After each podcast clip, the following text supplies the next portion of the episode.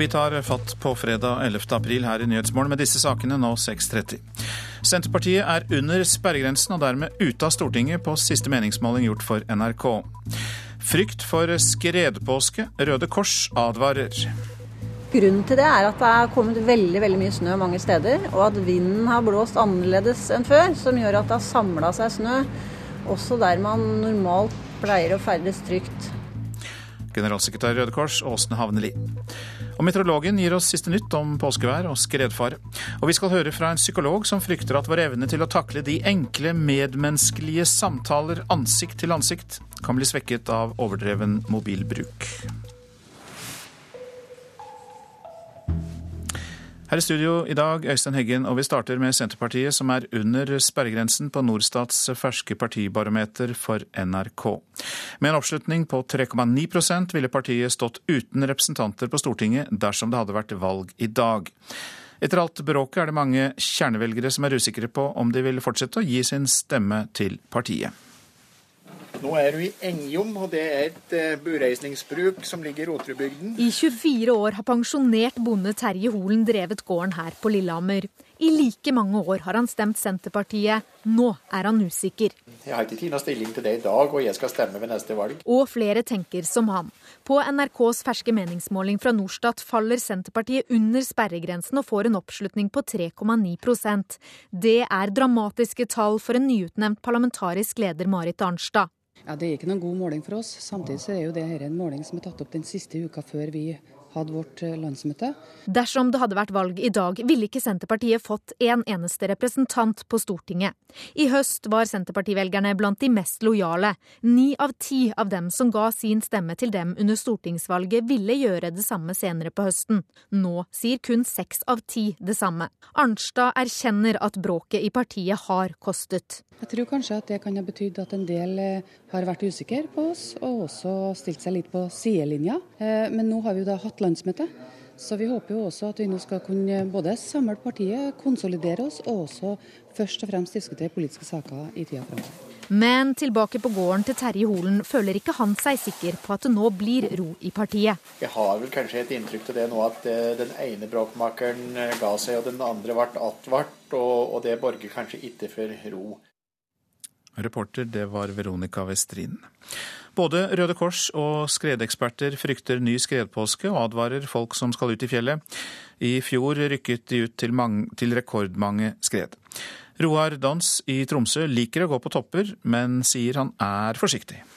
Jeg skal ut i terrenget, men vi må jo være ufattelig forsiktige. Og ja, vurdere og, og tenke og kanskje holde oss unna noe brattere enn 30 grader. I deler av Nord-Norge har det kommet mye snø de siste ukene. Og skredekspert Kjetil Brattlien ved NGI advarer om at forholdene ligner fjorårets ulykkespåske. Det er veldig like forhold i snøen i Nord-Norge i år som det var i påsken i fjor. Dvs. Si vi har svake lag nede i snødekket som lett går til brudd, og det skaper farlige forhold. I fjor omkom fem personer i påsken, og Røde Kors rykket ut til elleve snøskred. De spesielle værforholdene mange steder i landet denne vinteren gjør at man bør være ekstra oppmerksom, sier generalsekretær i Norges Røde Kors Åsne Havnelid. Grunnen til det er at det er kommet veldig veldig mye snø mange steder, og at vinden har blåst annerledes enn før, som gjør at det har samla seg snø også der man normalt pleier å ferdes trygt. Så det er viktig å spørre kjentfolk, følge oppmerka løyper for å være trygg. De fleste ulykkene skjer i godt vær og ved forholdsvis moderat skredfare. For da er det mange som våger seg ut i bratt terreng.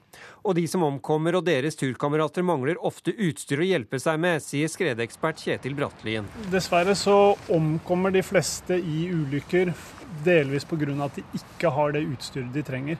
De har rett og slett ikke spade, de har ikke søkestang og de har ikke eh, skredsøker. Og dermed så tar det for lang tid å finne den som er tatt av skred. Du har ca. et kvarter for å finne folk i live. Går det mer enn en halvtime, så er de fleste døde. Gøril Einarsen i Tromsø har alltid med seg utstyr når hun skal ut på tur. Når jeg går topptur, altså uansett nesten om jeg går en plass hvor jeg er sjøl veldig trygt, så har jeg med meg gjerne både skredsøker og stang og hjelm og full pakke. For Hvis jeg vet at jeg er på en trygg plass, så kan jeg likevel komme bort til tilfeller hvor det går skred, og hvor jeg må lete etter andre. Og reportere her, det var Stine Hommedal og Tom Ingebrigtsen. God morgen, Siri Wiberg Horjen. Ja, god morgen. Du er meteorolog, det vet Ja. vi jo. Og vi kaller på deg når vi nå skal ha siste nytt når det gjelder snøskredfare. Ja. Det er jo venta en god del vær i løpet av eh, første påskehelg. Så det blir nok eh, økende skredfare, i hvert fall eh, på søndag. Da vil det blåse storm i fjellet i Sør-Norge, så det skal folk være obs på. Og det blir også mye nedbør i vestlige fjellstrøk. Ja, det blir altså ganske mye vær, som du sier, i starten av påsken. Eh, Kan du gi oss noen eh, flere detaljer om hvordan utviklingen kan se ut? Jeg kan jo ta det litt mer systematisk. I dag så er det bygevær både på Vestlandet, Trøndelag og i Nord-Norge. Og det er også kuling fra en sørvestlig kant mange steder, mens østafjells får vi stort sett eh, pent vær i dag. Og på lørdagen får vi da et lavtrykk som nærmer seg fra vest, og det blir eh, mye nedbør på Vestlandet sør for Stad, og også ganske mye vind i vest og i Trøndelag. Nord-Norge fortsetter det med bygevær også på lørdag, og søndag kommer lavtrykket enda litt nærmere, og da øker vinden på, som sagt, i Sør-Norge blir det storm i fjellet. Og det fortsetter med bygeluft i vest og i nord, og igjen så blir det mye pent vær østafjells. Starten av neste uke så roer det seg litt. Det er et høytrykk som kommer på et lite besøk i løpet av tirsdag og onsdag, i hvert fall i Sør-Norge, og det blir en bedring. Et høytrykk på et lite besøk. Vi får bare nyte det når det kommer. Eh, Sånn til slutt, eh, hvor drar vi for å være sikre på å finne snø og skiføre? Det er mye snø i fjellet både i Sør-Norge og i Nord-Norge, men man må litt eh, opp i høyden. Østafjells har det også kommet mye nedbør, men over en 600-700 meter må man. Hjertelig takk for at du kom i studio, meteorolog Siri Wiberg Horjen. Du skal vel videre og informere TV-titterne etter hvert. Ja. Takk skal du ha. Nå om eh, varsling eh, av snøskred og eh, publisering gjennom portalen varsom.no, som NVE er ansvarlig for, altså Norges vassdrags- og energidirektorat. Og I den forbindelse så er du kommet tidlig på morgenen, olje- og energiminister Tord Lien. Velkommen til deg også. Takk for det. Denne varsom.no, denne tjenesten som da ligger inn under ditt ansvarsområde, hva går den ut på? Nei, nå kan jeg begynne med å si at Det står i fjellvettreglene at man skal snakke med erfarne fjellfolk. Det er fortsatt et veldig godt råd når man skal ferdes i fjellet. Men så har vi altså eh, NVE utvikla ei hjemmeside som eh, gir informasjon om hvor henne det eh, er snøskredfare. Men også gir råd om hvordan man skal oppføre seg i de områdene der det er en slik fare er til stede. Og eh, i dag utvides eh, varslingsområdet. I dag utvides eh, varslingsområdet til områder i Nordland fra Salten og nordover mot, mot fylkesgrensa. Det er vi veldig glad for at vi kunne få på plass nå rett før påske. For vi vet at utfarten i fjellet er veldig stor i påska, og det er ikke alle de som er i fjellet som er like fjellvant. Derfor er vi veldig glad for at vi fikk på plass det. Du startet jo med den forsikringen om at vi må ikke glemme fjellvettregelen om å spørre først, de som virkelig har eh, greie på det. Så øh, hvilken rolle bør da denne varslingsordningen ha, sammenlignet med det virkelig gå ut og stikke fingeren i været og spørre folk? Nei, Jeg mener jo at eh, dette er et veldig godt eh, supplement. Eh, Men det forutsetter jo selvfølgelig at eh, de som skal på fjellet, bruker tjenesten og går inn på varsom.no og sjekker om det er eh, snøskredfare i, eh, de områdene de skal ha tenkt å besøke, og da også følge de rådene som, som følger med på, på hjemmesiden.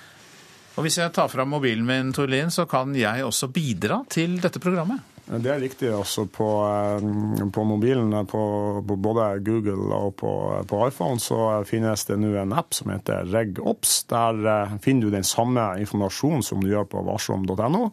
I tillegg til at uh, brukerne sjøl kan melde inn både om vær og, og føreforhold, og da eh, skredfare.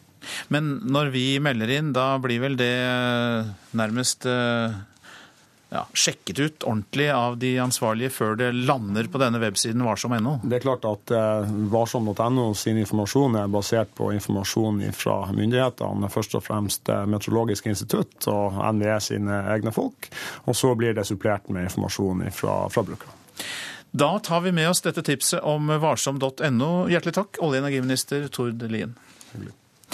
Så skal vi vende oss til deg, Jan Henrik Ilvek. Du er et stykke herfra. Du er på Skjærhalden på Hvaler i Østfold, for noen drar jo også til sjøen i påsken. Vi skal ikke glemme det. Og hvordan blir aktiviteten på Hvaler i løpet av noen få timer, du? Eh, det vil bli hektisk, for eh, her er eh, været flott. Og trekkfuglene har kommet. Sjøen ligger helt blank langt til havs her nå. Jeg har snakka med noen marinaeiere og butikkdrivende, og de venter en veldig hektisk dag i dag og mm, høytid framover. Hvordan forbereder hvalerfolket seg på inntrykket, for de er vel i veldig mindretall når eh, feriegjestene rykker inn?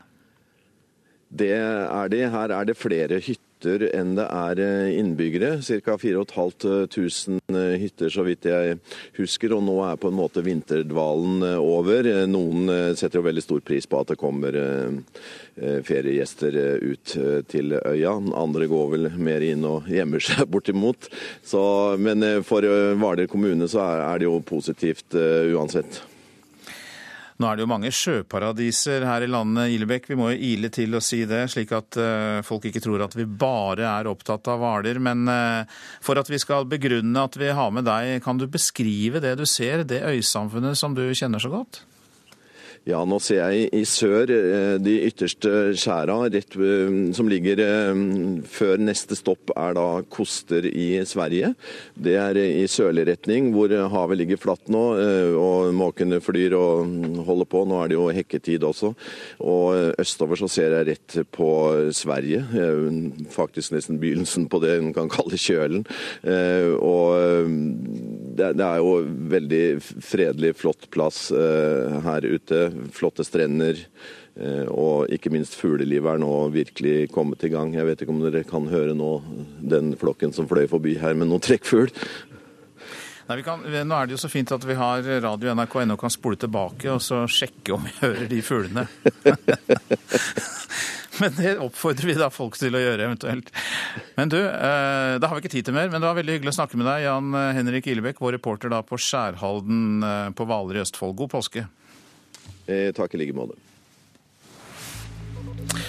Så er det avisene og det de har fokusert på i dag. Aftenposten kårer de mest innflytelsesrike nordmenn i utlandet. På førsteplass kommer Paul Kipsgaard, konsernsjef i franske Schlumberger, verdens største oljeserviceselskap.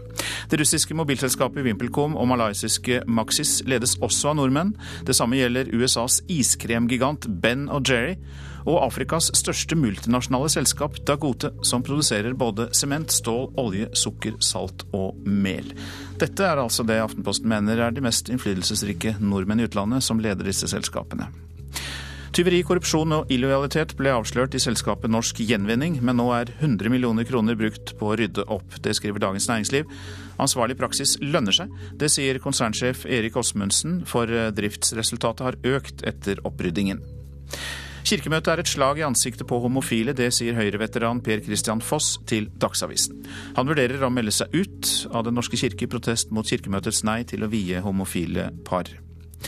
Likestillingsombudet endrer privatskoleloven, det skriver Klassekampen.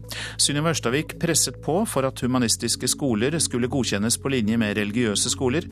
Nå står søkerne i kø, skriver avisa. Bedre dialog vil gi færre pasientklager, det er oppslaget i Bergens Tidende i dag. På seks år er antall erstatningskrav til Norsk pasientskadeerstatning nesten doblet. Mange klager på at legene kommuniserer dårlig. Helse Bergen vil bekjempe klagestormen med leger som er flinke til å prate. Vi vet best-holdningen er gammeldags, sier fagdirektør. VG har truffet mysteriemannens redningsmann. Sami Sadiki fant mannen som er blitt kalt John Smith i en snøfonn i desember, og trodde han var død. Nå er Sadiki lykkelig over at mysteriemannen lever. Priskrig på godt og vondt er oppslaget i Fedrelandsvennen. Kommuneoverlege Vegard Nilsen i Søgne reagerer på at dagligvarebutikkene selger påskegodt på billigsalg, og sier det er negativt for folkehelsen. Nilsen ønsker seg priskrig på påskeappelsiner. Elveeierne taper er oppslaget i Nasjonen. Færre elver og mindre laks betyr et tap på til sammen 1,5 milliarder kroner de siste fire år. Eiere av lakseelver ber fiskerne om å slippe flere laks tilbake i elvene, og om en lengre sesong.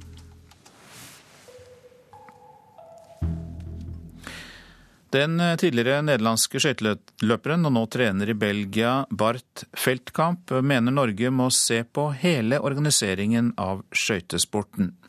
NRKs skøyteekspert Even Vetten mener Feltkamp selv er en god kandidat til landslagstrenerjobben her ting har løpt litt ifra oss. Vi har ikke fulgt med i timen. Derfor mener jeg vi trenger en internasjonal trenerkapasitet. Det sier Norges skøyteekspert Even Vetten. Gerhard Kempkers er mannen Skøyteforbundet har sagt de er ute etter som landslagstrener. Men Vetten mener Bart Feltkamp, som har trent med Sven Kramer og under Kempkers, også er en god kandidat til stillingen. Uh, jeg er ikke ute etter stillingen som fulltidstrener på isen. Men Feltkamp utelukker ikke muligheten til å innta en annen rolle i norsk skøytesport. Det kunne være en mulighet å være mer som en sportsteknisk leder. Utvikling av skøytesporten i Norge kunne også være en interessant oppgave. Den meritterte skøyteløperen mener Norge må gjøre mer enn bare å bytte ut hovedtreneren for å oppnå de gode resultatene igjen. Hvorfor skjer dette i et land der skøyter har vært så stort? Du må starte på bunnen, og så til slutt har du posisjonen som hovedtrener. Hvis du bare jobber med toppen, så glemmer man bunnen. Feltkamp forstår ikke hvorfor Norge, som er gode i så mange andre idretter, ikke er på samme nivå i skøyter. Man må se på hva som går bra i norsk idrett, i vinter- og i sommeridrett, og hvorfor det ikke går så bra med skøyter. Det er ikke det at dere ikke vet hvordan man gjør det, men det må videreføres til Skøyteforbundet.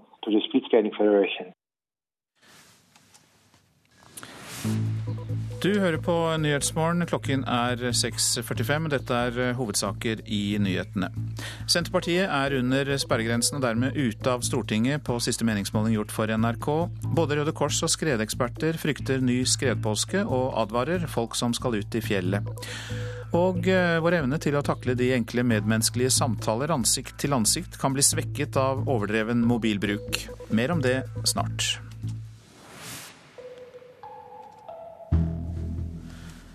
Ni personer har mistet livet i en bussulykke i California i USA. En buss med elever fra en videregående skole krasjet med en lastebil, melder amerikanske medier. I tillegg skal 32 personer være skadd i ulykken, som skjedde i nærheten av byen Orlando. Smarttelefonene stjeler tid og oppmerksomhet fra oss. Det vil australske forskere gjøre noe med. De har laget ordet fubbing, sammensatt av de engelske ordene phone og snubbing, som da betyr at vi skal overse telefonen. Det blir jo ikke like sosialt, uh, egentlig. Når du først sitter og prater med noen, så er det litt forstyrrende. Seks 17 år gamle jenter sitter på kafé med smarttelefonen i hendene. Det kommer litt an på person til person. Noen kan jo synes det er veldig sånn frekt overfor den du snakker med, mens noen sitter og tenker egentlig ikke noe over at du har mobilen der. Vi har alle opplevd det, eller gjort det selv. Det å bry seg mer om telefonen enn de som er rundt deg, har blitt en del av vår hverdag. Og nå har handlingen fått sitt eget ord. Hvorfor heter det, heter det fubbing på engelsk? Fubbing. Fubbing. Fubbing. Fubbing. Fubbing. Fubbing. Fubbing er sammensatt av det engelske ordet phone, som betyr telefon, satt sammen med ordet snubbing, som betyr å overse noen. Ordet er laget av forskere ved Universitetet i Sydney, som ønsker å sette en stopper for fubbing-utviklingen. Men burde det ikke være et norsk ord for dette? Nei, vi har egentlig ikke kommet fram til noe veldig bra eh, forslag. Eh. Sier direktør i Språkrådet, Arnfinn Murevik Vonen. Men nå er det jo et ganske nytt ord eh, i det hele tatt, også på engelsk har jeg inntrykk av. I Sverige sto ordet på Språkrådets liste over nye ord i 2013. Og Vonen mener det er viktig at det kommer en norsk variant hvis ordet skal brukes mye. Språkrådet har allerede fått henvendelser på deres Facebook-side om hva det norske ordet skal være, men han vil ikke komme med noen forslag. Derfor henter vi inspirasjon fra gameshowenes verden og spiller Vil du bli ordoppfinner? Språkdirektør Arnfinn Murevik Vonen. Hva mener du skal være den norske varianten av ordet føbbing? Alternativ A telefornærmelse. Alternativ B mob overse. Alternativ C telefjern. Eller alternativ D mobmerksomhet. Nei, jeg er ikke overbevist over noen av de her. Jeg tror vi må be lytterne om å komme med egne forslag. Du spør lytterne? Det gjør vi.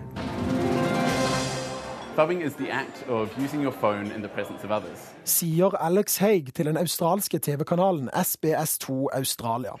Han står bak kampanjen Stopp fubbing. For mens bruken av ordet eskalerer, vokser også motstanden mot fenomenet. 37 000 mennesker fra hele verden har engasjert seg på nettsiden stoppfubbing.com, og over 26 000 mennesker er medlem på Facebook-siden med samme navn. Hvor mye tror dere at dere sitter på mobilen i løpet av en dag? Eh, ganske ofte. Altfor ofte, egentlig. Ja, bruk eller ikke bruk av mobilen, det er spørsmålet. En Reporter her, det var Christian Ingebretsen. Fra mobilbruk til opera i dramatisk natur. Jotunheimen er jo kjent for det siste, men skal også bli kjent operascenene nesten 2000 meter over havet neste år.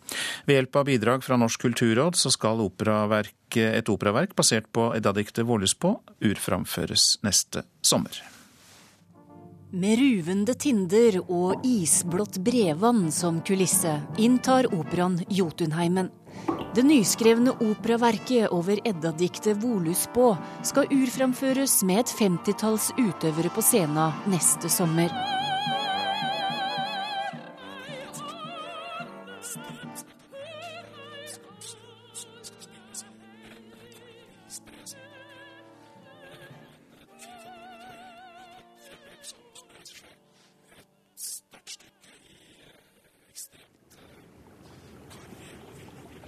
Det sier Espen Finstad. Han er fylkesarkeolog og ansatt i Klimaparken i Jotunheimen. Det er de som står bak dette ambisiøse prosjektet om å forvandle området rundt Kjebreen 1900 meter over havet til ei operascene. Det er jo et veldig spesielt oppdrag. Sier Ragnar Søderlind. Det er han som akkurat nå sitter og komponerer det nye verket over Voluspås 66 vers. Deler av komposisjonen ble framført på stedet i fjor, men kun med solister på scenen. I 2015 er hele verket ferdig, og det norske blåseensemble, kor og solister inntar fjellheimen. I amfiet skal det være rom til mellom 500 og 1000 tilskuere. Ja, det skal jo bygges en scene, da. Og alt skal jo være helt fra scratch. Så det er jo, det er jo så interessant i utgangspunktet som det kan få blitt. Med gladnyheten om at Kulturrådet gir 350 000 kroner i støtte, kan Klimaparken få formidlet budskapet sitt på en ny måte, mener Finstad. Via det som gjerne omtales som den nordiske apokalypsen.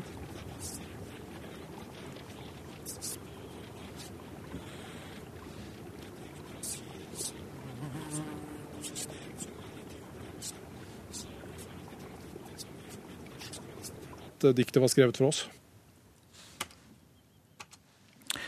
Det sa Espen Finstad ved Klimaparken i Jotunheimen, reporter Torunn Myhre.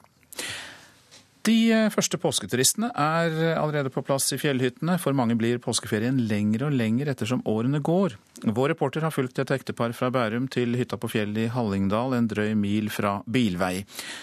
Og det er en stor opplevelse hver gang vi låser opp hytterdøra. Det sier 70 år gamle Petter Borgen fra Bærum. Det er alltid den samme følelsen når vi kommer opp. Inn i den nydeligste, gamle hytta som eksisterer på fjellet. Vi får låse opp, da. Ja. Vi får se her. Sånn. Så er det Der, ja.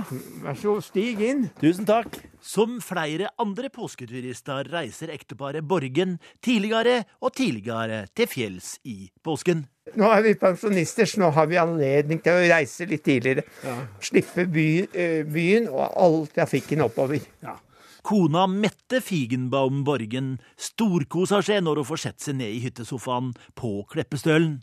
Oh, det er det beste på jord. Påskeferien er årets beste ferie. På fjellet. Men det begynner litt tidlig, da? Ja, sånn er det å være pensjonist. Å vente storinnrykk av små og store, så må alt være på stell. Det har det vært her i over 50 år. Eh, er, det, er, det, hvert år det kommer så tidlig til påske? Ja, i hvert fall når vi har vært, blitt pensjonister etter hvert, da. Men eh, Foreldrene mine reiste jo tidlig opp, men så var det vel noen år vi prøvde å jobbe slik at vi kunne ta fri en dag eller to før det store rushet. Mm. Det tek litt planlegging å feire påske, ei mil fra bilvei. Men ved hjelp av lokalskutertransport går alt greit førebels. De pakker ferdig. Erik henter, for i vår bil er det ikke plass. Og så kommer du over fjellet i scooter. Ja, men det sjøl, det, det, kjører ikke scooter hit opp? Nei, vi gjør ikke det. Vi går fra Myrland og over. Det er ganske sprekt, da, for det tar vel et par timer? Ja, halvannen, halvannen og sånn omtrentlig. Med gode ski og hund. Det er gamleordføreren i Hol, Erik Kaupang, som er scootertransportør for familien Borgen i dag. Han har arva transporten. Hva betyr eh, frakt av varer og, og, slikt inn til fjells i påsken for, for lokalbefolkninga her i Hol? Eh, det er jo veldig, altså Totalt sett så blir vel befolkningen nesten tidobla her i kommunen. Så det er klart at påsken er utrolig viktig for eh, forretninga og for, eh, ja, for de som driver skisenter. For oss som har litt sånn avanserte hobbyer som dette her, så ja, det betyr veldig mye. Det sier seg sjøl. Når det kommer 40 000-50 000 ekstra folk, så har det mye å si for kommuneøkonomien og for privatøkonomien til folk. Og så er det koselig å få litt byfolk til fjells, da. Du, det er veldig, det er veldig koselig. Og så er det da i dagens samfunn hvor det kanskje blir større og større forskjell, og jeg pleier å si at det er altfor mange som tror at kjøttet er født og oppvokst i frysedisken, så er det veldig greit å, å få folk fra andre kanten av landet opp i fjellet og se hvordan vi lever her. Ja. Og Reporteren som tok, opp, tok oss med på påskefjellet før påske, det var Gunnar Grimstveit.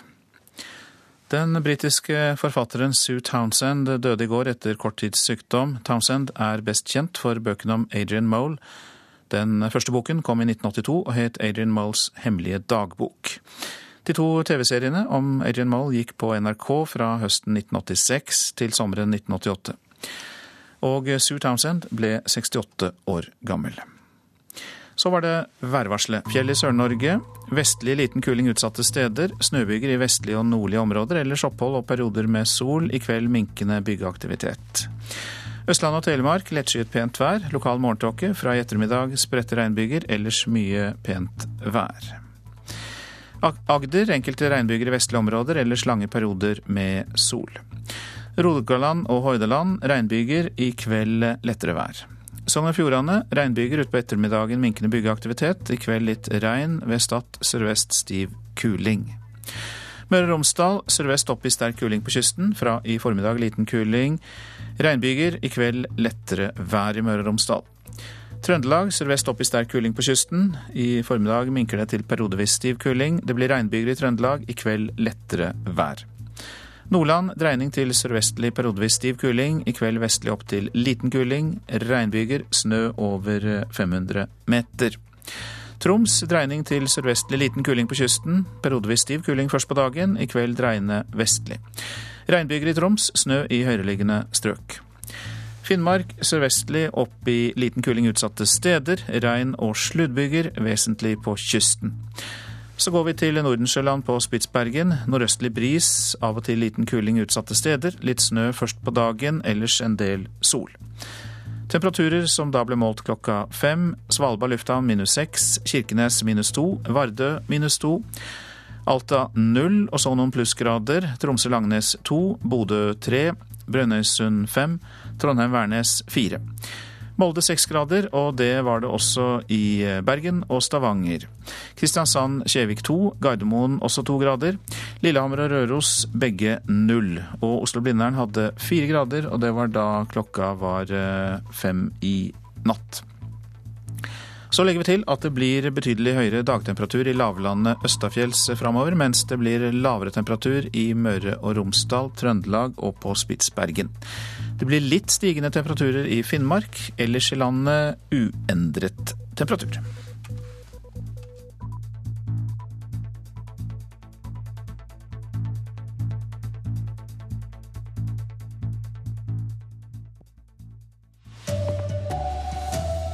Ingen Norwegian-kunder får erstatning til tross for store forsinkelser. Tidligere Høyre-politiker må møte i retten i dag, tiltalt for datainnbrudd og publisering av andres private bilder. Her er NRK Dagsnytt klokken sju. Ingen Norwegian-passasjerer får rett til kompensasjon etter de store forsinkelsene på langrutene. Så langt har Flyklagenemnda behandlet 45 Norwegian-klager. I de fleste tilfellene ble passasjerene over et døgn forsinket. Flyselskapet er på klagetoppen etter oppstart av ruter til USA og Thailand i fjor. Informasjonssjef Lasse Sandaker Nilsen i Norwegian er glad for Flyklagenemndas konklusjoner. Vi er fornøyd med at uh, Transportklagenemnda har kommet til samme konklusjon som, uh, som, vi har i denne saken. Det er viktig å understreke at Norwegian alltid følger EUs regelverk for passasjerrettigheter. Det har vi også gjort i det tilfellet her. Så er det også viktig å legge til at flere tusen av de reisende som har blitt kraftig ramma av lange forsinkelser, de har fått en såkalt goodwill-kompensasjon fra Norwegian. Sakene mot eh, tidligere Høyre-politiker Tor Johannes Helleland behandles i Drammen tingrett i dag. Helleland innrømmet i fjor sommer å ha stjålet private, intime bilder fra nettkontoene til en rekke kvinner og lagt dem ut på nettet. Saken går som en tilståelsessak i tingretten. Hellelands forsvarer Anders Gren sier klienten gruer seg. Nei, han har det naturligvis tungt, og han eh, gruer seg som de fleste når man skal møte i retten for første gang. Men samtidig så er han fram til å få lagt dette bak seg. og eh, Han fastholder jo sin uforbeholdne tilståelse og er forberedt på og naturligvis klar for å ta den straffen som eh, retten finner riktig for den, eh, de feilene og det han har gjort. Fem tyske fisketurister ble i natt stoppet på grensen mellom Finnmark og Finland med 400 kilo torskefilet. Det er 325 kilo mer enn de har lov til å ta med seg ut av landet. De fem fikk en bot på 40 000 kroner og fikk inndratt all fisken over lovlig tollkvote, sier politiet i Vest-Finnmark.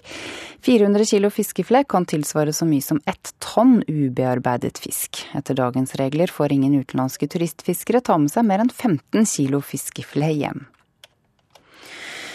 Den britiske forfatteren Sue Townsend døde i går etter kort tids sykdom. Townsend er best kjent for bøkene om Adrian Mole.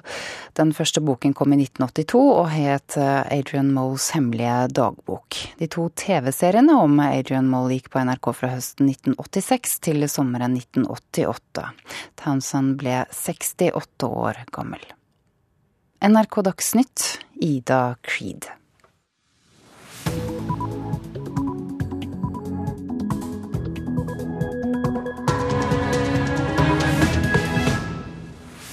Nyhetsmorgen fortsetter med disse sakene. Hvorfor ba Forbrukerrådet Norwegian-passasjerene klage når de stemte mot å gi passasjerene kompensasjon i klagenemnda?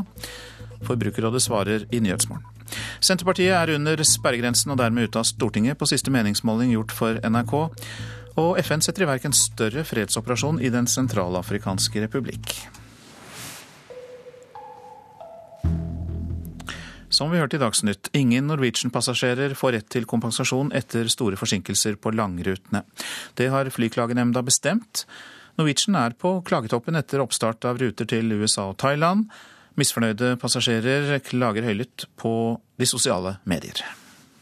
Nå har jeg reist to helger på rad, og alle flyvninger har vært forsinka. Det er utrolig irriterende. Nå må dere få litt orden på flyene deres. Stadig vekk er det en teknisk feil som gjør at man blir forsinka i flere timer. Norwegian er nå på klagetoppen i Flyklagenemnda etter oppstarten av nye langruter og Dreamliner-problem. På sitt siste møte behandla Flyklagenemnda 45 klager mot flyselskapet. Men trass i at nesten alle klagerne ble forsinka i over et døgn, har nemnda ikke gitt dem medhold i retten til kompensasjon, forteller administrasjonsleder Rolf Forsdal. Den feilen som forsinket disse passasjerene, var altså så uventet og oppsto så plutselig at Norwegian ikke må betale denne erstatningen.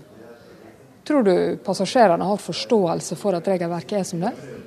Nei, Vi ser jo at passasjerene egentlig ikke har forståelse for det, og det er i seg selv litt interessant. Eh, hvis det skulle være slik at flyselskapene har plikt til å betale alt fra 250 opp til 600 euro hver gang et fly blir vesentlig forsinket eller kansellert, så betyr jo det at alle flybillettene våre ville bli ganske mye dyrere. Dette må jo tas av eh, driftskostnadene til flyselskapene. Eh, det vil ikke markedet. Markedet vil jo ha de laveste prisene. EU-regler gir passasjerer rett til erstatning bare om forsinkelser skyldes forhold utenfor flyselskapets kontroll. Informasjonssjef Lasse Sandaker Nilsen i Norwegian sier han er glad for Flyklagenemndas konklusjoner. Vi er fornøyd med at uh, Transportklagenemnda har kommet til samme konklusjon som, uh, som, vi har i denne saken. Det er viktig å understreke at Norwegian alltid følger EUs regelverk for passasjerrettigheter. Det har vi også gjort i det tilfellet her. Så er det også viktig å legge til at uh, Flere tusen av de reisende som har blitt kraftig ramma av lange forsinkelser, de har fått en såkalt goodwill-kompensasjon fra Norwegian.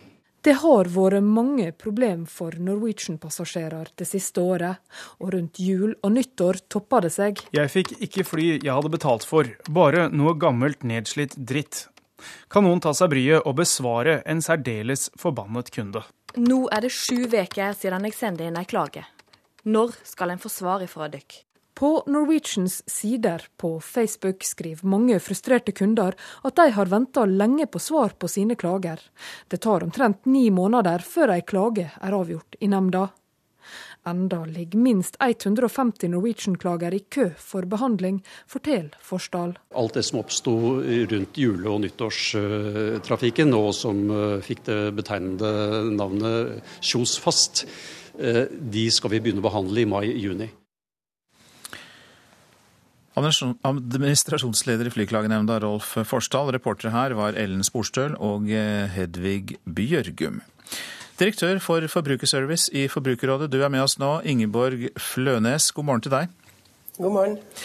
Så er det da mange som lurer på hvorfor dere ba folk å klage når dere i nemnda er med og frifinner Norwegian? Ja, Vi synes det er veldig viktig at folk alltid klager hvis de føler seg urettferdig behandla, eller de er usikre på om eh, klagen kan skyldes flyselskapet eller noe annet. Og Derfor så ber vi alltid folk om å klage. Og sånn som vi ser her, og sånn som man også sa i, i reportasjen, så viste det seg her å være utenfor flyselskapet sin kontroll. Men vi har også sett saker hvor det har vært innenfor flyselskapet sin kontroll. Og da har man fått kompensasjon. Ja, men i hvilke tilfeller når det skyldes eh, feil på flyet, er det da man kan få eh, kompensasjon? Ja, Det er hvis flyselskapet kunne ha satt inn et annet fly, eller f.eks. har ruta med et fly, sånn at du ikke rekker flyet ditt videre osv. Altså ting som flyselskapet selv har gjort. Nemnda bruker jo ekspertise fra Luftfartstilsynet for teknisk assistanse, sånn at de skal være sikre på at eh, de har riktig dokumentasjon. Men i disse vi kan vel kalle dem Dreamliner-sakene, så har folk faktisk hatt en god del ekstra utgifter og ulempe knyttet til lange forsinkelser. Hvordan skal de få dekket det? Ja, og det er jo beklagelig. Og ved enhver forsinkelse så plikter jo flyselskapet å ta vare på det. Eh, og da skal de, litt avhengig av lengden på, på forsinkelsen, gi deg eh, type matpenger. Eh, de skal sørge for å få deg hjem. Eh, og eh, trenger du hotell, så har du krav på det. Og det skal flyselskapet hjelpe deg med. Og Det man alltid må gjøre hvis det er en forsinkelse, er å ta kontakt med flyselskapet eller den som representerer flyselskapet, for de plikter som sagt å ta vare på deg ved alle typer forsinkelser. Så dette med noen matkuponger og det å få et eh, skikkelig hotell mens man venter, det har man krav på uansett hvem som er skyld i at flymaskinen ikke virker? Ja, og kravene avhenger jo selvsagt litt av hvor lang forsinkelsen er og hvor fort de kan få deg hjem, men det har man alltid krav på. Så det som det er snakk om her, er jo en ekstra kompensasjon, og den eh, avhenger av hvor feil ligger. Hvorfor tar det så lang tid å behandle en klage? Vi hørte jo her at det tar ni måneder. Det tar jo vinter og vår, dette her. Ja, eh, Det varierer vel litt eh, hvor lang tid det tar. Transportklagenemnda for fly så jeg hadde i fjor behandlingstid fra fire til seks måneder. Um, og så har det nok sikkert hopa seg litt opp nå med mange saker på Norwegian, så det gjør nok at det kan ta litt lang tid. Men det vi alltid må gjøre først, er jo å gå til flyselskapet og klage til flyselskapet. Uh, og det kan jo òg noen ganger ta tid, og noen ganger kan saken løse seg der. Og så er det dette med EU-regler og ikke-EU-regler. Det ble jo innført for noen år siden eh, ganske mm, relativt gode rettigheter for folk innenfor dette EU-området. Men eh, stiller det seg annerledes når man er ute på langdistansereiser, f.eks. til Asia og USA? Eh, du har relativt gode, eller du har veldig gode rettigheter også når du flyr lengre. Er det langdistanseflyvninger og forsinkelsen er over fire timer, og det skyldes flyselskapet sin kontroll, så har du krav på 600 euro i kompensasjon. Og det gjelder også på langdistanse? Ja, det gjelder på langdistanse. Da takker vi deg i denne omgang, Ingeborg Flønes, som altså da er direktør for Forbrukerservice i Forbrukerrådet. Nå til norsk politikk. Senterpartiet er under sperregrensen på Norstats ferske partibarometer for NRK. Med en oppslutning på 3,9% ville partiet stått uten representanter på Stortinget dersom det hadde vært valg i dag. Etter alt bråket bråk i partiet er det mange kjernevelgere som er usikre på om de vil fortsette å gi det sin stemme. Nå er du i Engjom, og det er et eh, bureisningsbruk som ligger i Rotrudbygden. I 24 år har pensjonert bonde Terje Holen drevet gården her på Lillehammer. I like mange år har han stemt Senterpartiet. Nå er han usikker. Ja, Det, det spørs hvordan Senterpartiet har utvikla seg, om, er, om jeg er enig med dem da. Jeg, jeg har ikke tatt noen stilling til det i dag, og jeg skal stemme ved neste valg. Men jeg kan jo legge attåt det at jeg, jeg retta stemmeseddelen i høst, men jeg stemte Senterpartiet. Og flere tenker som han. På NRKs ferske meningsmåling fra Norstat faller Senterpartiet under sperregrensen og får en oppslutning på 3,9% Det er dramatiske tall for en nyutnevnt parlamentarisk leder Marit Arnstad. Ja, Det er ikke noen god måling for oss. Samtidig så er jo det her en måling som er tatt opp den siste uka før vi hadde vårt eh, landsmøte. Og Det var nok en periode der jeg tror mange var usikre på det her partiet. Dersom det hadde vært valg i dag, ville ikke Senterpartiet fått en eneste representant på Stortinget. I høst var Senterpartivelgerne blant de mest lojale. Ni av ti av dem som ga sin stemme til dem under stortingsvalget, ville gjøre det samme senere på høsten. Nå sier kun seks av ti det samme. Mange setter seg på gjerdet eller går til andre partier som Arbeiderpartiet. Arnstad erkjenner at bråket i partiet har kostet. Jeg tror kanskje at det kan ha betydd at en del eh, har vært usikker på oss, og også stilt seg litt på sidelinja. Eh, men nå har vi jo da hatt landsmøte. Så vi håper jo også at vi nå skal kunne både samle partiet, konsolidere oss, og også først og fremst diskutere politiske saker i tida framover. Hvordan skal dere klare å snu dette? Nei, Vi skal jobbe med de politiske sakene. Vi skal jobbe med de viktige samfunnsinteressene som vi vet at våre velgere er opptatt av. Enten det gjelder folkestyre, fordeling eller for, grønn forvaltning. Eh, og på den måten gjenvinne tillit. Her står støvlene klare i gangen. Ja. Men tilbake på gården til Terje Holen føler ikke han seg sikker på at det nå blir ro i partiet. Altså Det er jo veldig spennende, det, og det, det er jo å ønske, men jeg er slett ikke så overbevist om at det blir det. For, eh, for det første så handler dette her om politiske veivalg, og, og, det er vel det som kanskje har skapt bråket. Og så har jo det gått litt over på personene. og eh, jeg har vel kanskje et inntrykk til det nå at eh, den ene bråkmakeren ga seg, og den andre ble advart, og, og det borger kanskje ikke for ro. Og det var reporter Veronica Westrin som hentet inn eh, disse reaksjonene for oss. Politisk kommentator i NRK, Magnus Takvam. Er det lederbråket alene som er årsaken til tilbakegangen for Senterpartiet, tror du? Jeg tror nok det interne bråket er eh, den viktigste forklaringen på at eh, Senterpartiet nå sliter.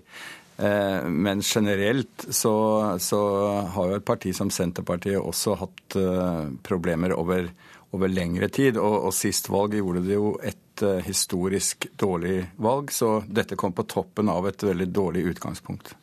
Hva tror du om mulighetene for at Senterpartiet kan klatre oppover igjen i oppslutning dersom det blir ro i partiet? Ja, det er selvfølgelig slik at de har eh, en mulighet for det, i og med at uh, sakene kommer på deres kjerneområder uh, fra den blå-blå regjeringen, med landbrukspolitikk, kommunereform, Eh, innstramminger i tilskudd til næringspolitikk osv. I, i distriktene. Strukturelle ting, politireform osv. Det ligger i deres gate.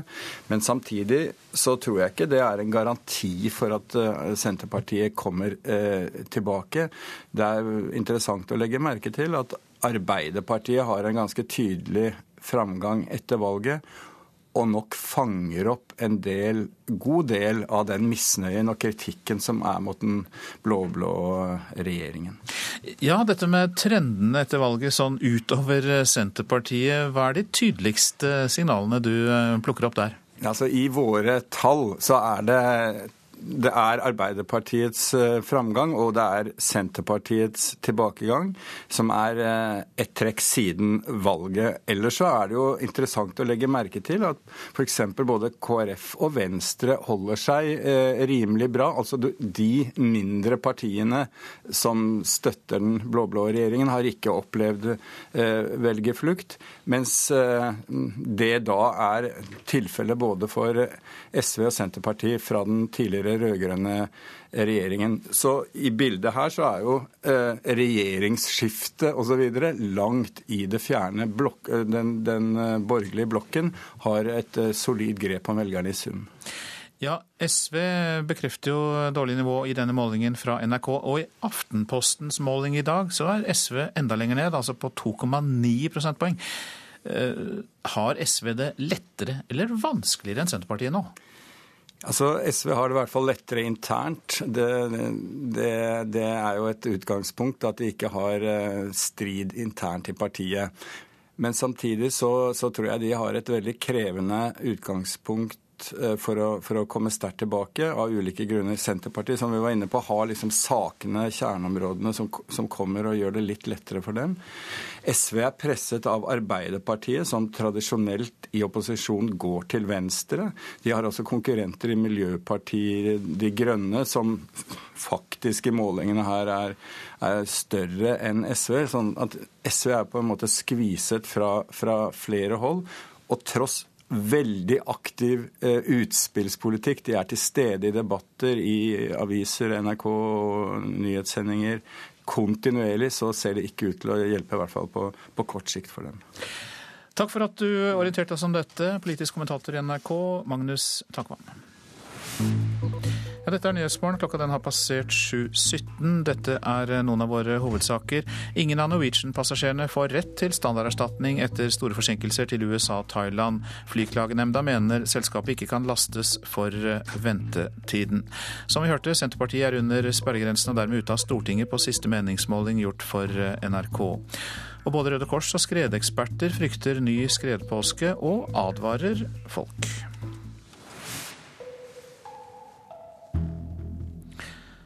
Det har vært en stor økning i beløpene til kristne organisasjoner som driver utviklingsarbeid. Norad gir i år 1,4 milliarder kroner til norske frivillige organisasjoner.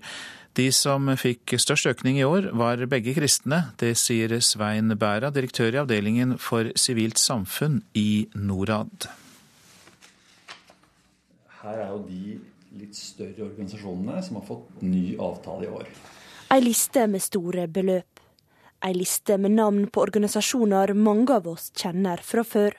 Eh, vi har Flyktninghjelpen, vi har eh, Kirkens Nødhjelp, eh, vi har Røde Kors, vi har Norsk Folkehjelp. Adra og Strømmestiftelsen er de to organisasjonene som har fått størst øke i år. De som da har fått mest økning i år, er de som driver kostnadseffektivt. At mest mulig av pengene kommer fram til de fattige som trenger dem. Og de har vist at de oppnår gode resultater. Dette er begge organisasjoner med et kristent verdigrunnlag, noe som kan være en fordel i utviklingsarbeidet. Organisasjoner som har et religiøst fundament eller et kristent verdigrunnlag, de vil kunne ha store nettverk av samarbeidspartnere i disse landene som også har et religiøst eh, fundament. Og da vil de kunne jobbe på en tettere måte med dem enn andre kan. En av de organisasjonene som mottar mest penger fra Norad, er Digni, en paraplyorganisasjon for 19 misjonsorganisasjoner og kirkesamfunn. De mottar årlig over 160 millioner kroner, og generalsekretær Jørn Lemvik sier det å oppnå tillit blant befolkninga er avgjørende for arbeidet deres. Gå inn i disse landene og ser, så er det jo ikke politikere, det er ikke politi, det er ikke den type institusjoner som har tillit, men det er kirker og andre religiøse institusjoner. Sånn at de som er endringsagenter i disse samfunnene, er ofte religiøse ledere. Og de har stor innflytelse på de folka som bor i disse landene. Ifølge Lemvik er lønnskostnadene lave, og dermed er organisasjonene svært kostnadseffektive. Bæra understreker at pengene disse organisasjonene får, ikke går til misjonsarbeid. De hjelper alle som trenger det, helt uavhengig av religiøs eh, tilknytning. Og det går ikke en krone til misjonering. Reporter her, det var Marte Halsør. FN skal i gang med en større fredsoperasjon i Den sentralafrikanske republikk. Sikkerhetsrådet vil sende nærmere 12 000 soldater til det voldsherjede landet. Og Morten Bøås, god morgen. Du er seniorforsker ved Norsk utenrikspolitisk institutt. og Hvorfor endte FN opp med å gjøre dette? Ja, Det var noe som tvang seg fram. for Nå har det jo stått fredsbevarende styrker fra Den afrikanske unionen der i lengre tid. Og i tillegg så har det vært eh, en rundt 2000 franske soldater som har vært til stede. og eh, noe har de klart å utrette, men altså, de har ikke vært i nærheten av å få kontroll over situasjonen. Drapene har fortsatt, kamphandlinger har fortsatt, og også den etniske rensingen, spesielt av hovedstaden eh, Bangui, hvor det omtrent ikke er eh, muslimer igjen i dag. Så FN var nødt til å reagere for hvis ikke dette skulle komme helt ut av kontroll. Men altså 6000 soldater fra Den afrikanske union, 2000 franske soldater har jo stått der allerede. Hva er det FN har som eh, de ikke har? Hvilke muligheter er det FN har som de ikke har?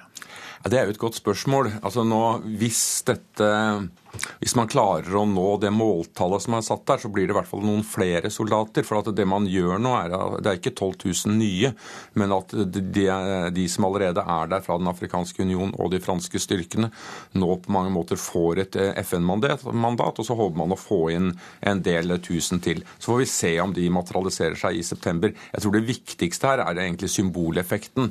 At dette nå blir en FN-operasjon operasjon, og ikke lenger en operasjon i regi av Frankrike og Den afrikanske union, og at man gjennom det kanskje kan få satt noe større trykk på dette her, men situasjonen er svært krevende og utfordrende på bakken.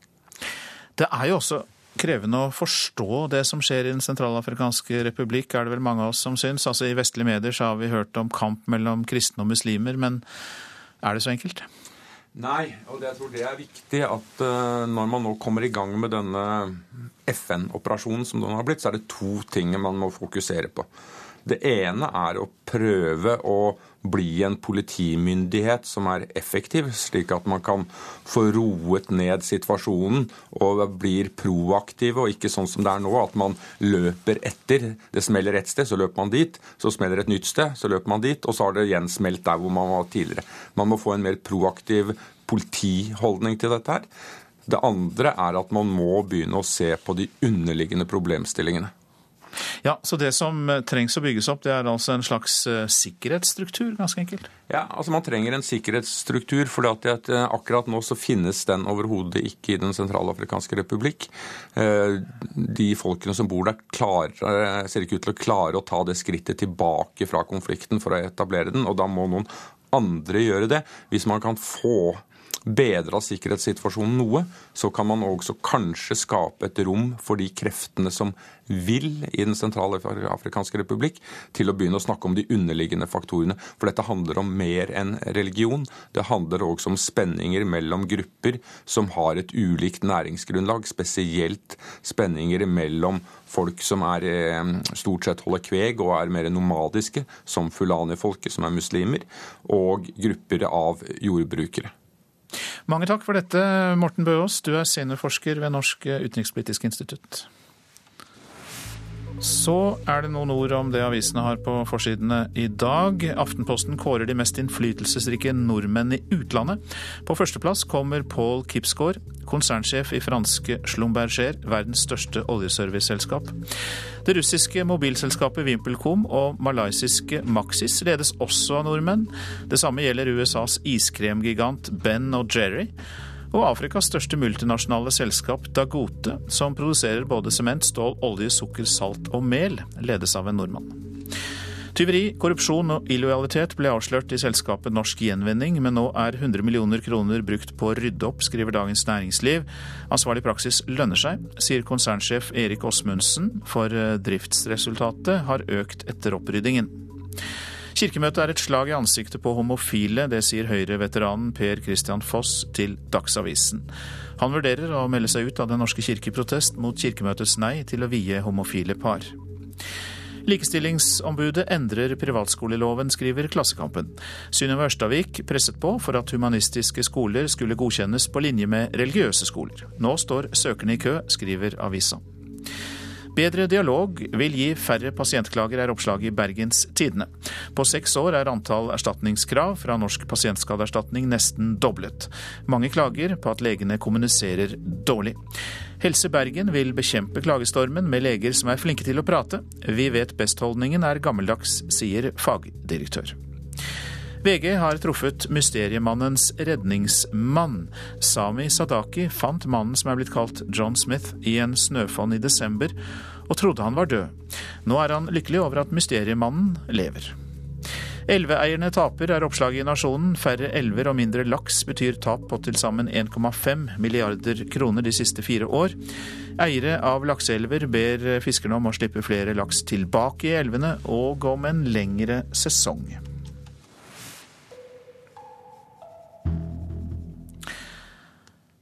Det er priskrig på godteri før påske, viser det seg. De store matvarekjedene har skrudd ned prisen til under halvparten av normalpris. På de billigste stedene får man smågodt ned til 4,9 kroner, eller 4,90 heter det vel, per, per hekto.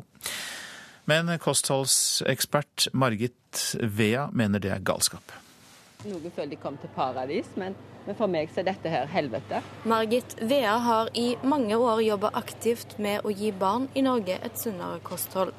Hun er ikke imponert over de store matvarekjedene som vil følge påskeeggene til de små. Men godteri har ofte veldig mye av disse her eh, smaksstoffene, og, og fargestoffer da spesielt. Aroma og smak er mye i godteri, og konserveringsmidler òg. Hva tenker du om det? Nei, det er jo gift, eller det er jo ikke bra i det hele tatt. Så det er kjempedårlig. Så eh, det er skikkelig Hva skal jeg si, da. En vet ikke helt hva en gjør, da, mener jeg. Så det er ikke til barnets beste, rett og slett, å gi dem dette her.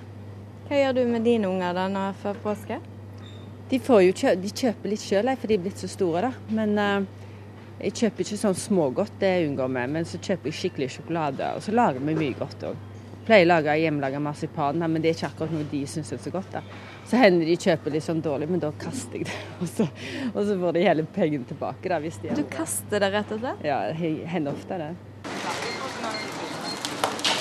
En sjekk NRK har gjort viser at smågodt i matvarebutikker før påske koster mellom fem og åtte kroner per hekto. Og det annonseres heftig. Blant de billigste er Kiwi og Coop. Butikksjef Tone Jørgensen ved en av Kiwi-butikkene i Haugesund forstår kritikken, men mener vi bør få kose oss litt ekstra i påsken. Jeg tenker det er påske, og folk må ha lov til å kose seg litt. Men selvfølgelig alt med måte.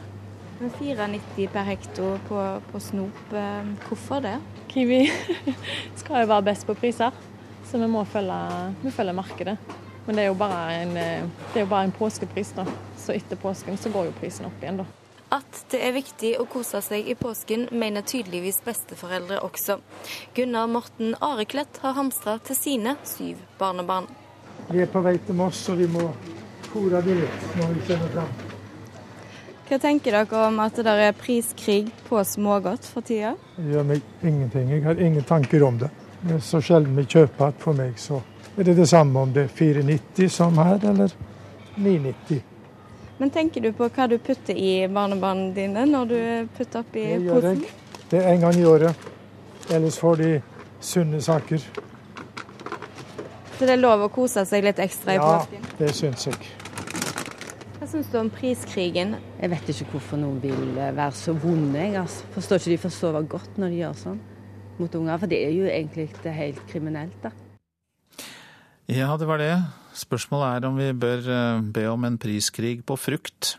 Reporter var Rosa Irén Villalobos. Du lytter til Nyhetsmorgen. Mesterverk stjålet av nazistene havnet hos en kunstsamler i Bayern. Mer om tiårets kunstskandale i Tyskland etter Dagsnytt. Frihetsreformen for kulturen er en bløff, eller er den ikke det? Kulturminister Toril Vidvei møter SVs Bård Vegar Solhjell i Politisk kvarter. Thomas Theis Haugan er prosent for Nyhetsmorgen. Her i studio, Øystein Heng.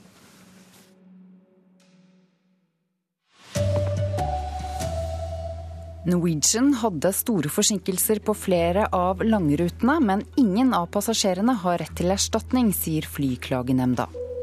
Senterpartiet hadde vært ute av Stortinget dersom det hadde vært valg nå, viser meningsmåling. Og nå har usosial mobilfomling fått et eget ord. Her er NRK Dagsnytt klokken 7.30. Ingen Norwegian-passasjerer har rett til kompensasjon etter de store forsinkelsene på langrutene. Det har Flyklagenemnda bestemt. Norwegian er på klagetoppen etter at de startet nye ruter til USA og Thailand. Misfornøyde passasjerer klager høylytt på sosiale medier. Nå har jeg reist to helger på rad, og alle flyvninger har vært forsinka. Nå må dere få litt orden på flyene deres. Stadig vekk er det en teknisk feil som gjør at man blir forsinka i flere timer.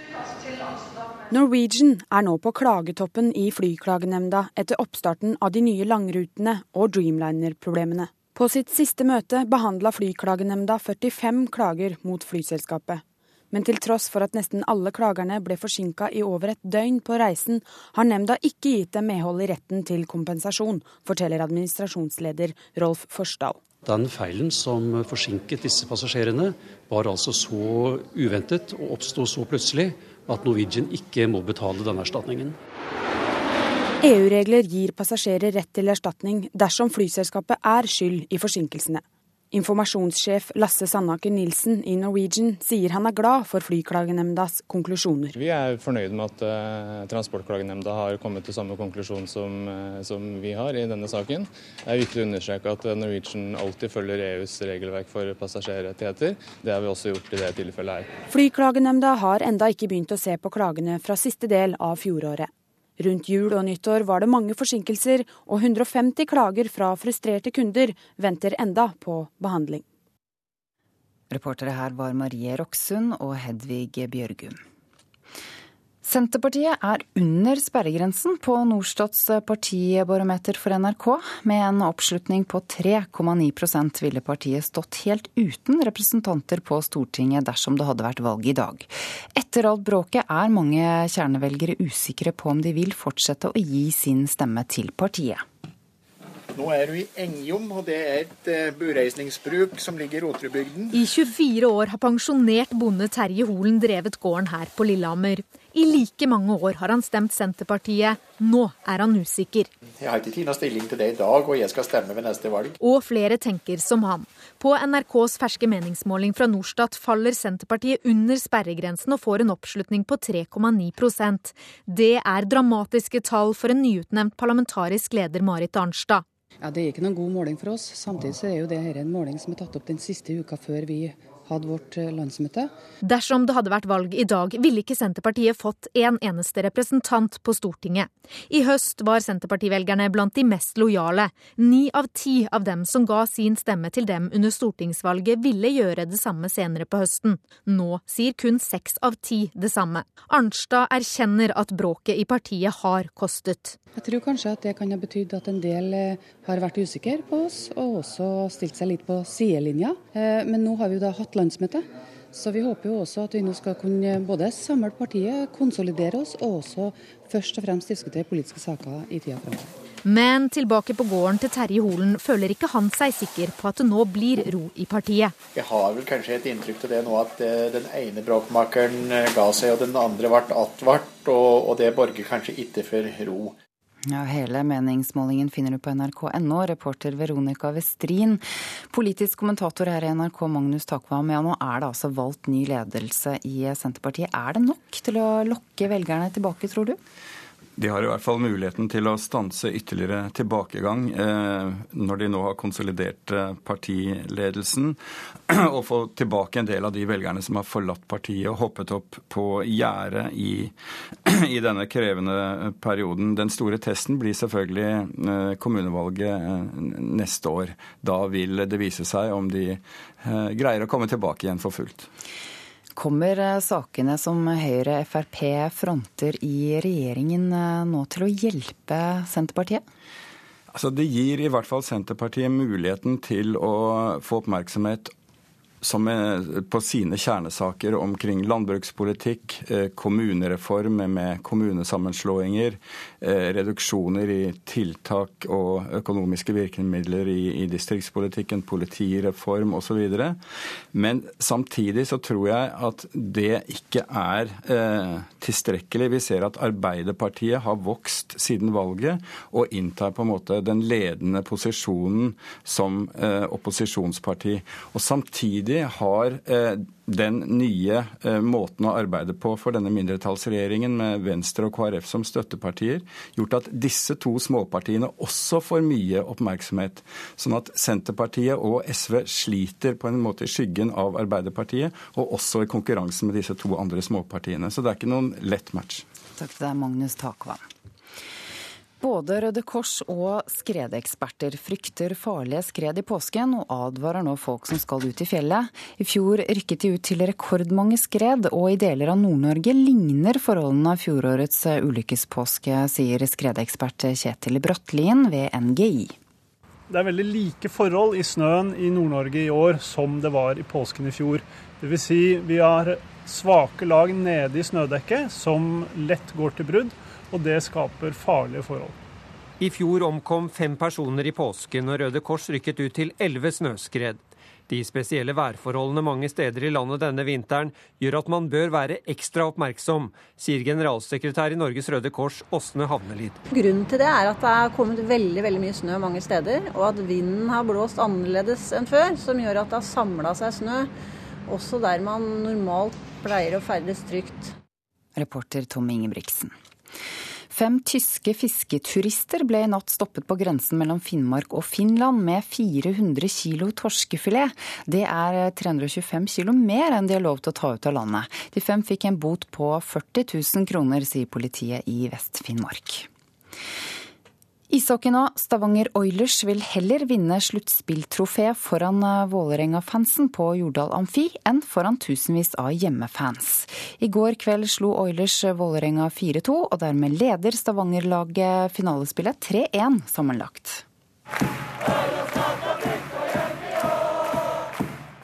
Selvklart lover det sterkt. Vi har tre matchboller nå, og vi skal ta vare på den. Så eh, forhåpentligvis er det slutt på lørdag.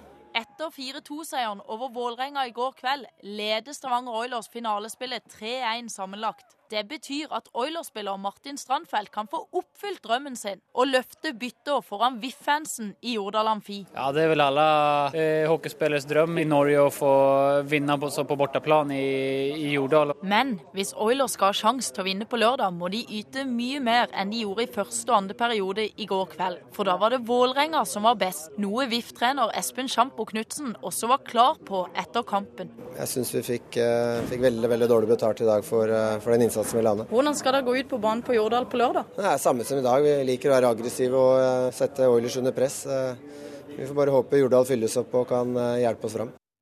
Reporter Siri Vikne Pedersen. Forskere ved universitetet i Sydney ønsker å stoppe utviklingen med at smarttelefonen stjeler mer og mer av oppmerksomheten vår. De har kommet opp med ordet fubbing, sammensatt av det engelske ordet phone og snubbing, som betyr å overse noen. Det blir jo ikke like sosialt, uh, egentlig. Når du først sitter og prater med noen, så er det litt forstyrrende. Vi har alle opplevd det, eller gjort det selv. Det å bry seg mer om telefonen enn de som er rundt deg, har blitt en del av vår hverdag. Og nå har handlingen fått sitt eget ord. Fubbing. Fubbing. Fubbing. Fubbing. Fubbing. Fubbing. Fubbing er sammensatt av det engelske ordet phone, som betyr telefon, satt sammen med ordet snubbing, som betyr å overse noen. I Sverige sto ordet på Språkrådets liste over nyord i 2013. Men finnes det et norsk ord for dette? Nei, vi har egentlig ikke kommet fram til noe veldig bra eh, forslag. Sier direktør i Språkrådet, Arnfinn Murevik Vonen. Når noe blir benevnt med et eget ord, så er det et, et tegn på at dette er noe som blir tatt litt, litt på alvor, i hvert fall. Man ser jo på den hele tiden, egentlig. For å sjekke alt mulig. Om noen har ringt, eller hvor mange klokka er og alt mulig, egentlig. Også for å sjekke andre ting, da. Sosiale medier. Kom med ditt forslag til et norsk ord for fubbing på nettsidene våre nrk.no. Reporter Christian Ingebretsen. Ansvarlig for denne sendingen er Sven Gullvåg, Hans Ole Hummelvold og Ida Creed.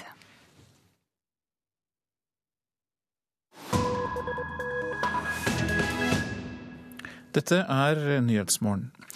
Mesterverk stjålet av nazistene kan ha havnet hos en kunstsamler i Bayern. Nå skal det handle om det som er blitt kalt tiårets kunstskandale i Tyskland.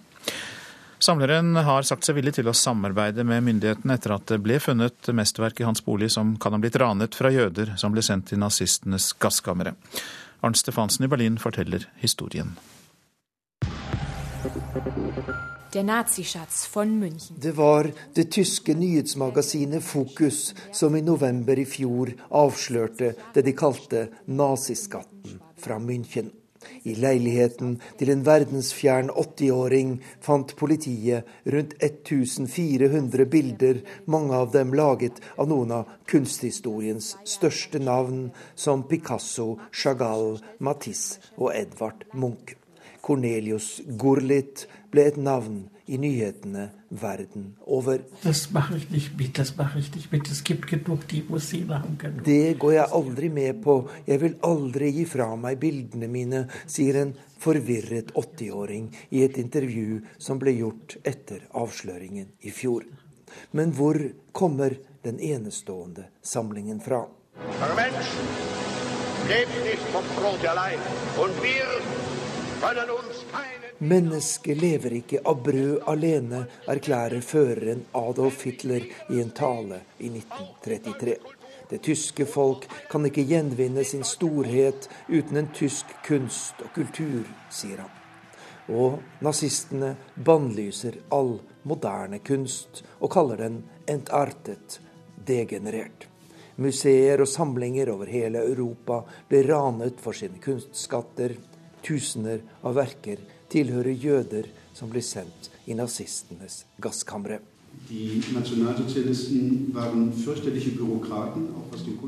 Berlin denne uken. En av Tysklands fremste eksperter på nazistenes kunstran, forfatteren og journalisten Stefan Koldehoff, møter internasjonale medier for å snakke om den nye utviklingen i Gurlit-saken.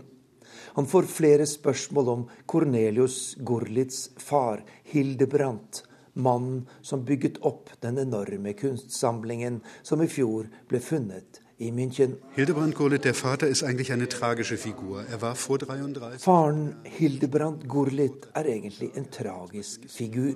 Før 1933 var han en sterk talsmann for moderne, nonfigurativ kunst. Han handlet med ekspresjonistiske bilder og laget fremragende utstillinger. Men etter at nazistene tok makten, ble han forfulgt og tvunget til å innstille sin virksomhet. I denne situasjonen valgte han å samarbeide med Hitler-regimet, sier eksperten. Und vor allem die deutsche Kunst.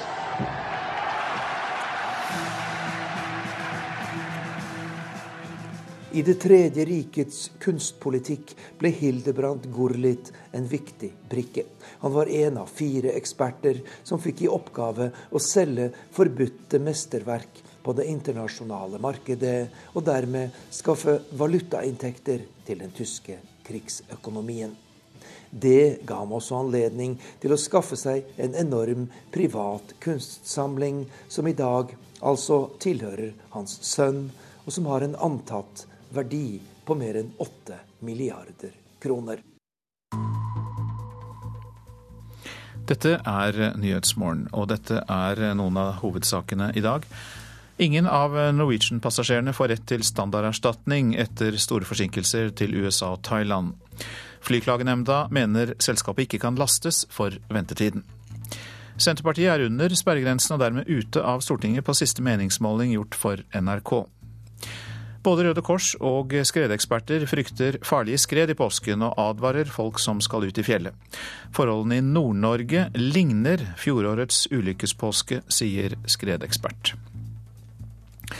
Og vi minner om nettstedet radio.nrk.no, der du kan høre alle NRKs radiokanaler. Du kan laste ned programmer, og du kan til og med spole deg tre timer bakover i tid dersom det er noe du har gått glipp av eller har lyst til å høre om igjen. Politisk kvarter er neste post på programmet her i Nyhetsmorgen.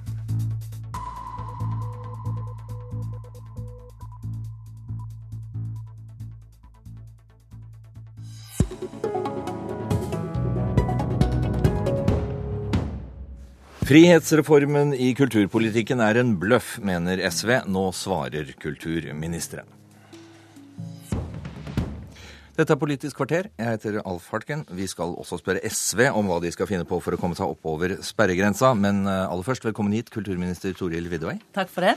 Din sidemann eh, Bård Vegar Solhjell, velkommen til deg òg. Tusen takk for det. Han eh, hevder at din frihetsreform for kulturen er en bløff. Det handler mer om budsjettkutt og kommersialisering. Det har han skrevet i en serie aviskronikker, og i går trakk du Solhjell kulturdebatten inn i Stortinget også.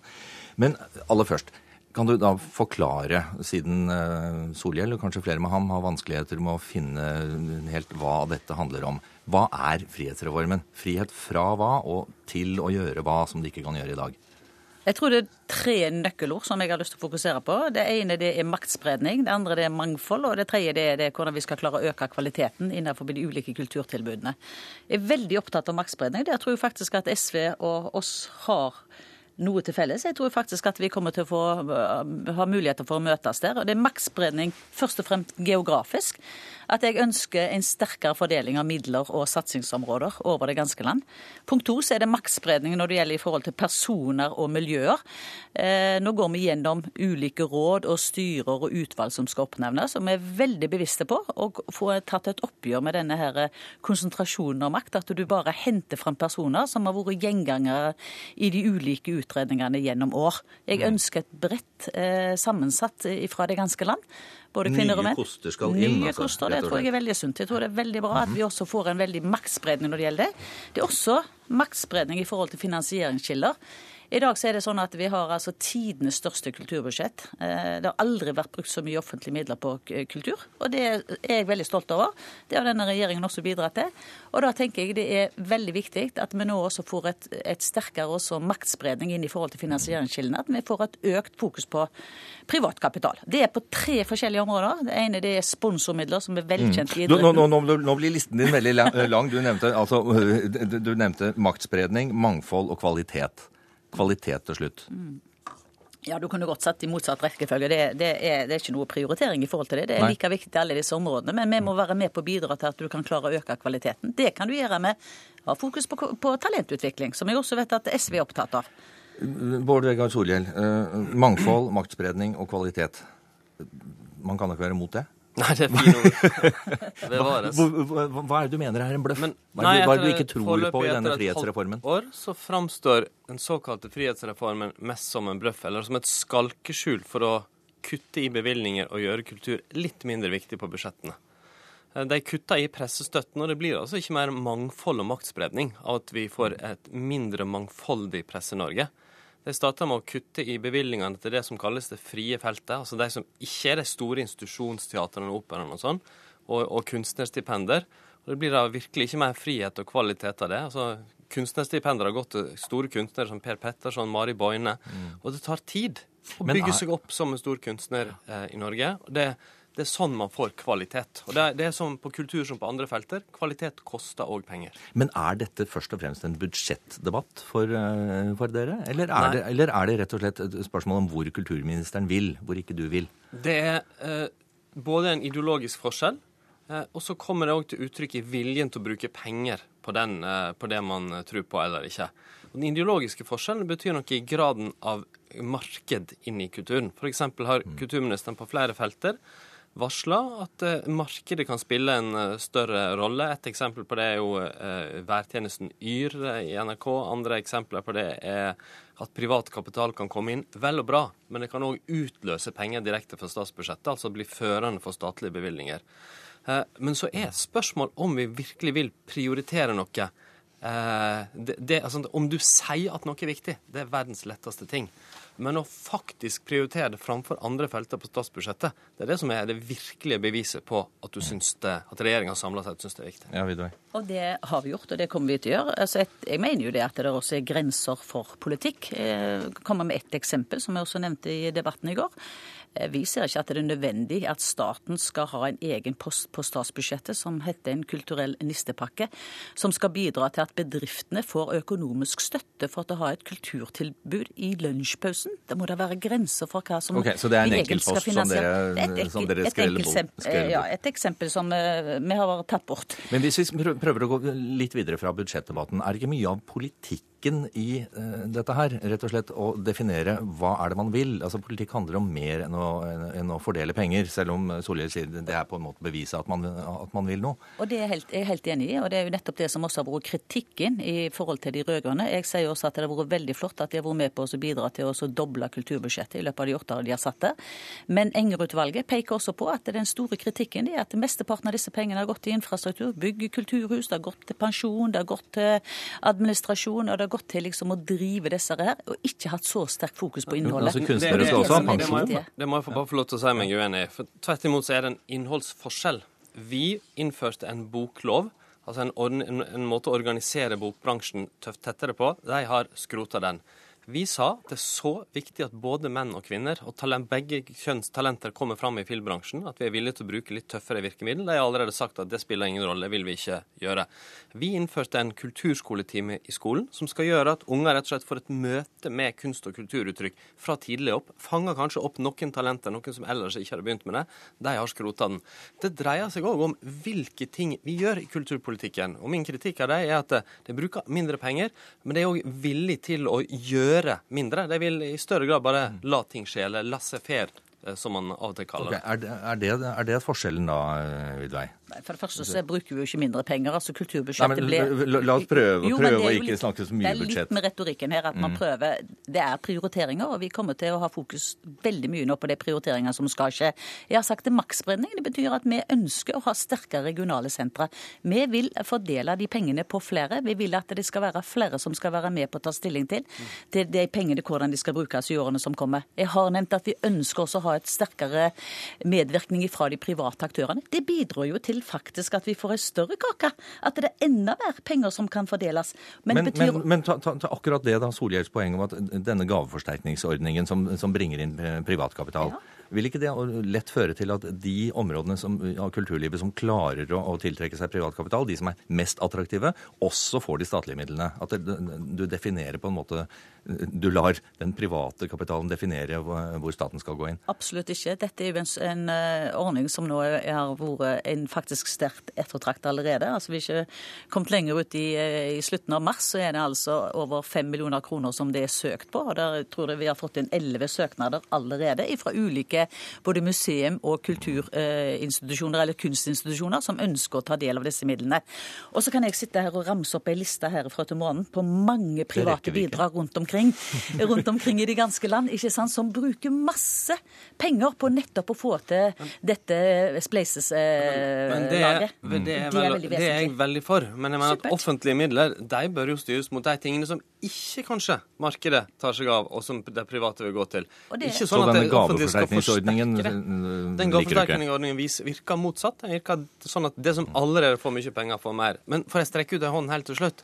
Det kan ikke du vite. Nei, men altså la meg, la meg nå strekke ut den hånda i hvert fall nå, da. Fordi er flere av ideene, ordene, er jo positive. Ta f.eks. maktspredning. Mm. Hvis det betyr at man kan involvere bredere miljøer i kulturlivet, spre noe av makten utover landet, så er det en positiv intensjon.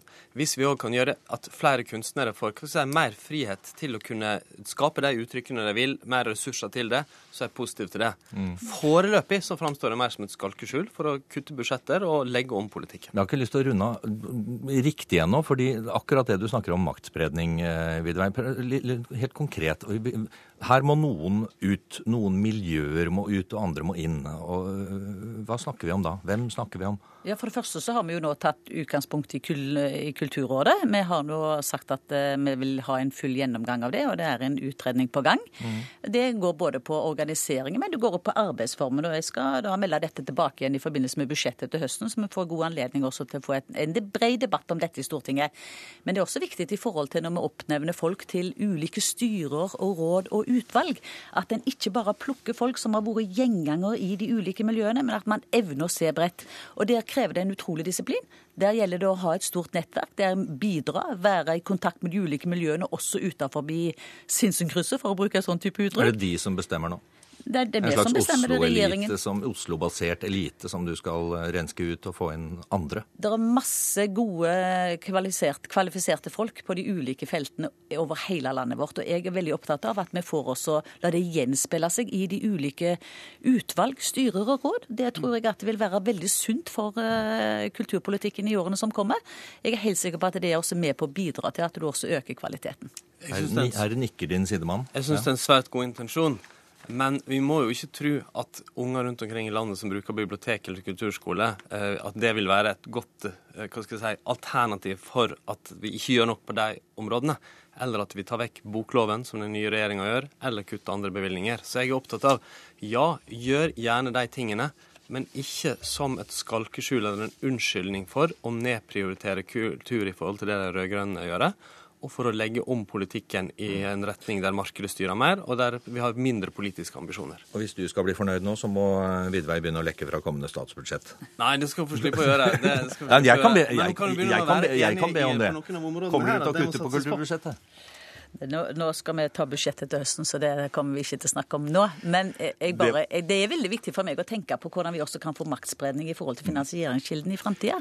Det er faktisk også et veldig viktig område. Jeg håper at SV også kan være med på å støtte på at vi får men, ikke har allergi mot private finansiering, men også er villige til å være med på å se at kaka faktisk kan bli større. Men budsjettet kommer altså senere. Takk skal du ha, Toril eh, Vidvei. Du fikk i hvert fall med deg Bård Vegar Solhjell på noe. Vidvei forlater eh, studio. Eh, Bård Vegar Solhjell, du må bli sittende litt til, for jeg må spørre deg om, um, om de nyhetene som kommer i dag. fordi det går jo hardt utover begge de to små tidligere regjeringspartiene i og for seg, eh, på det partibarometeret som eh, NRK presenterer i dag. Senterpartiet faller under sperregrensen. Eh, dere ligger etter hvert dessverre godt etablert, får vi vel si, for din del, under sperregrensen. Og hva var det, 3,4 på vår mm, melding her i NRK, ikke sant. Og i Aftenposten så ligger det nede på totallet. Mm, 2,9. Hvordan har dere det der nede under sperregrensen for tiden? Du, vi har det bra. Men uh, miljø og rettferdighet og de som representerer de viktigste verdiene som SV i hele vårt, uh, i, så lenge vi har vært et parti, slåss for, har det ikke så bra når vi har Høyre og Fremskrittspartiet i regjering. Og Derfor er det vi er opptatt av hver eneste dag, det er hvordan de verdiene, de sakene som vi syns er viktigst, mm. et mer rettferdig samfunn, barn og unge, hvordan, hvordan, vi skal få dem fram og fortjene den tilliten vi har fått av velgerne. Men det er jo ikke Høyre og Fremskrittspartiet som tar deres velgere. Så problemet, Da må du jo se deg om eh, litt nærmere mm. ditt eget nabolag. Altså dere, dere, ligger her med et Arbeiderparti som, eh, som, tradisjonelt beveger seg noe mot venstre i opposisjon. Miljøpartiet De Grønne ligger også under sperregrensen, men de har jo velgere som dere gjerne skulle hatt. Hvor er rommet for SV i, i det landskapet her? Jeg er helt sikker, og det gjelder enten man er politiker i SV eller andre partier. Hvis man sitter på kontoret sitt og tenker på andre partier og forhold til det, så får du ikke gjort noe for de menneskene der ute som har stemt på deg, og som kanskje kan stemme på deg neste gang. Du må jobbe for det, de forbedringene vi trenger i samfunnet. Og det er det vi i SV gjør nå. Vi foreslår to barnehageopptak, sånn som vi gikk til valg på. fordi eh, barnehagereformen har vært viktig, men fordi mange foreldre likevel må vente. Vi foreslår bedre kvalitet og endringer i skolen, fordi eh, norske skoleunger fortjener det. Vi foreslår å la oljen ligge, fordi klimapanelets rapport viser at vi må, ikke bare la Lofoten, som vi har fått til, men også andre områder, stå uåpna. Men om det, du da ikke sitter på kontoret ditt og Det er den eneste måten man kan fortjene tillit på, det er å gjøre en god jobb for de viktigste verdiene i samfunnet. Men om du da ikke sitter på kontoret ditt og tenker på alle de andre partiene, så må, jo, må jo, SV også da tenke på hvilke mm. saker skal dere ha et eierskap til? Hvilke saker er det dere skal markere dere som parti på? Ja, men, men, vi kan ikke liksom sitte og finne på noe på basis av meningsmåling. Vi må slåss for det vi syns er viktigst, og det som mm. betyr mest i samfunnet. Men hvordan skal du og, få folk til å skjønne det, da? Du, eh, Det eneste vi kan gjøre, det er å fortelle om hvorfor vi syns vi har riktig politikk. Og kanskje å reise noen av de litt større debattene. Mm. Ta et eksempel. Er det virkelig sånn i verdens rikeste land at det å bli maksimalt mye rikere og konkurrere enda mer om alt er det aller, aller viktigste når vi har enorme miljøproblemer, og når vi ser ganske mange falle utafor? Kunne ikke vi heller prøve enten det innenfor helsevesenet vårt, i skolen, på andre områder, å sette det å ta vare på hverandre mm. litt høyere opp på lista, det å ha mer tid litt høyere opp på lista enn mest mulig konkurranse eh, mest mulig vekst. Så, Den typen perspektiver det representerer SV, har vi gjort i, så lenge vi har vært. og det, vi, vi, må jobbe for våre saker. Så meningsmålingene er dårlige, men optimismen lever likevel? Ja, men det, Jeg tror det målingene kommer til å være dårlig lenge, det men vi kommer til å jobbe for våre velgere og det vi tror på. Det, det var det vi rakk. Takk skal du ha, Solhjell. Jeg heter Alf Hartken. Politisk kvarter er slutt. Hør flere podkaster på nrk.no podkast.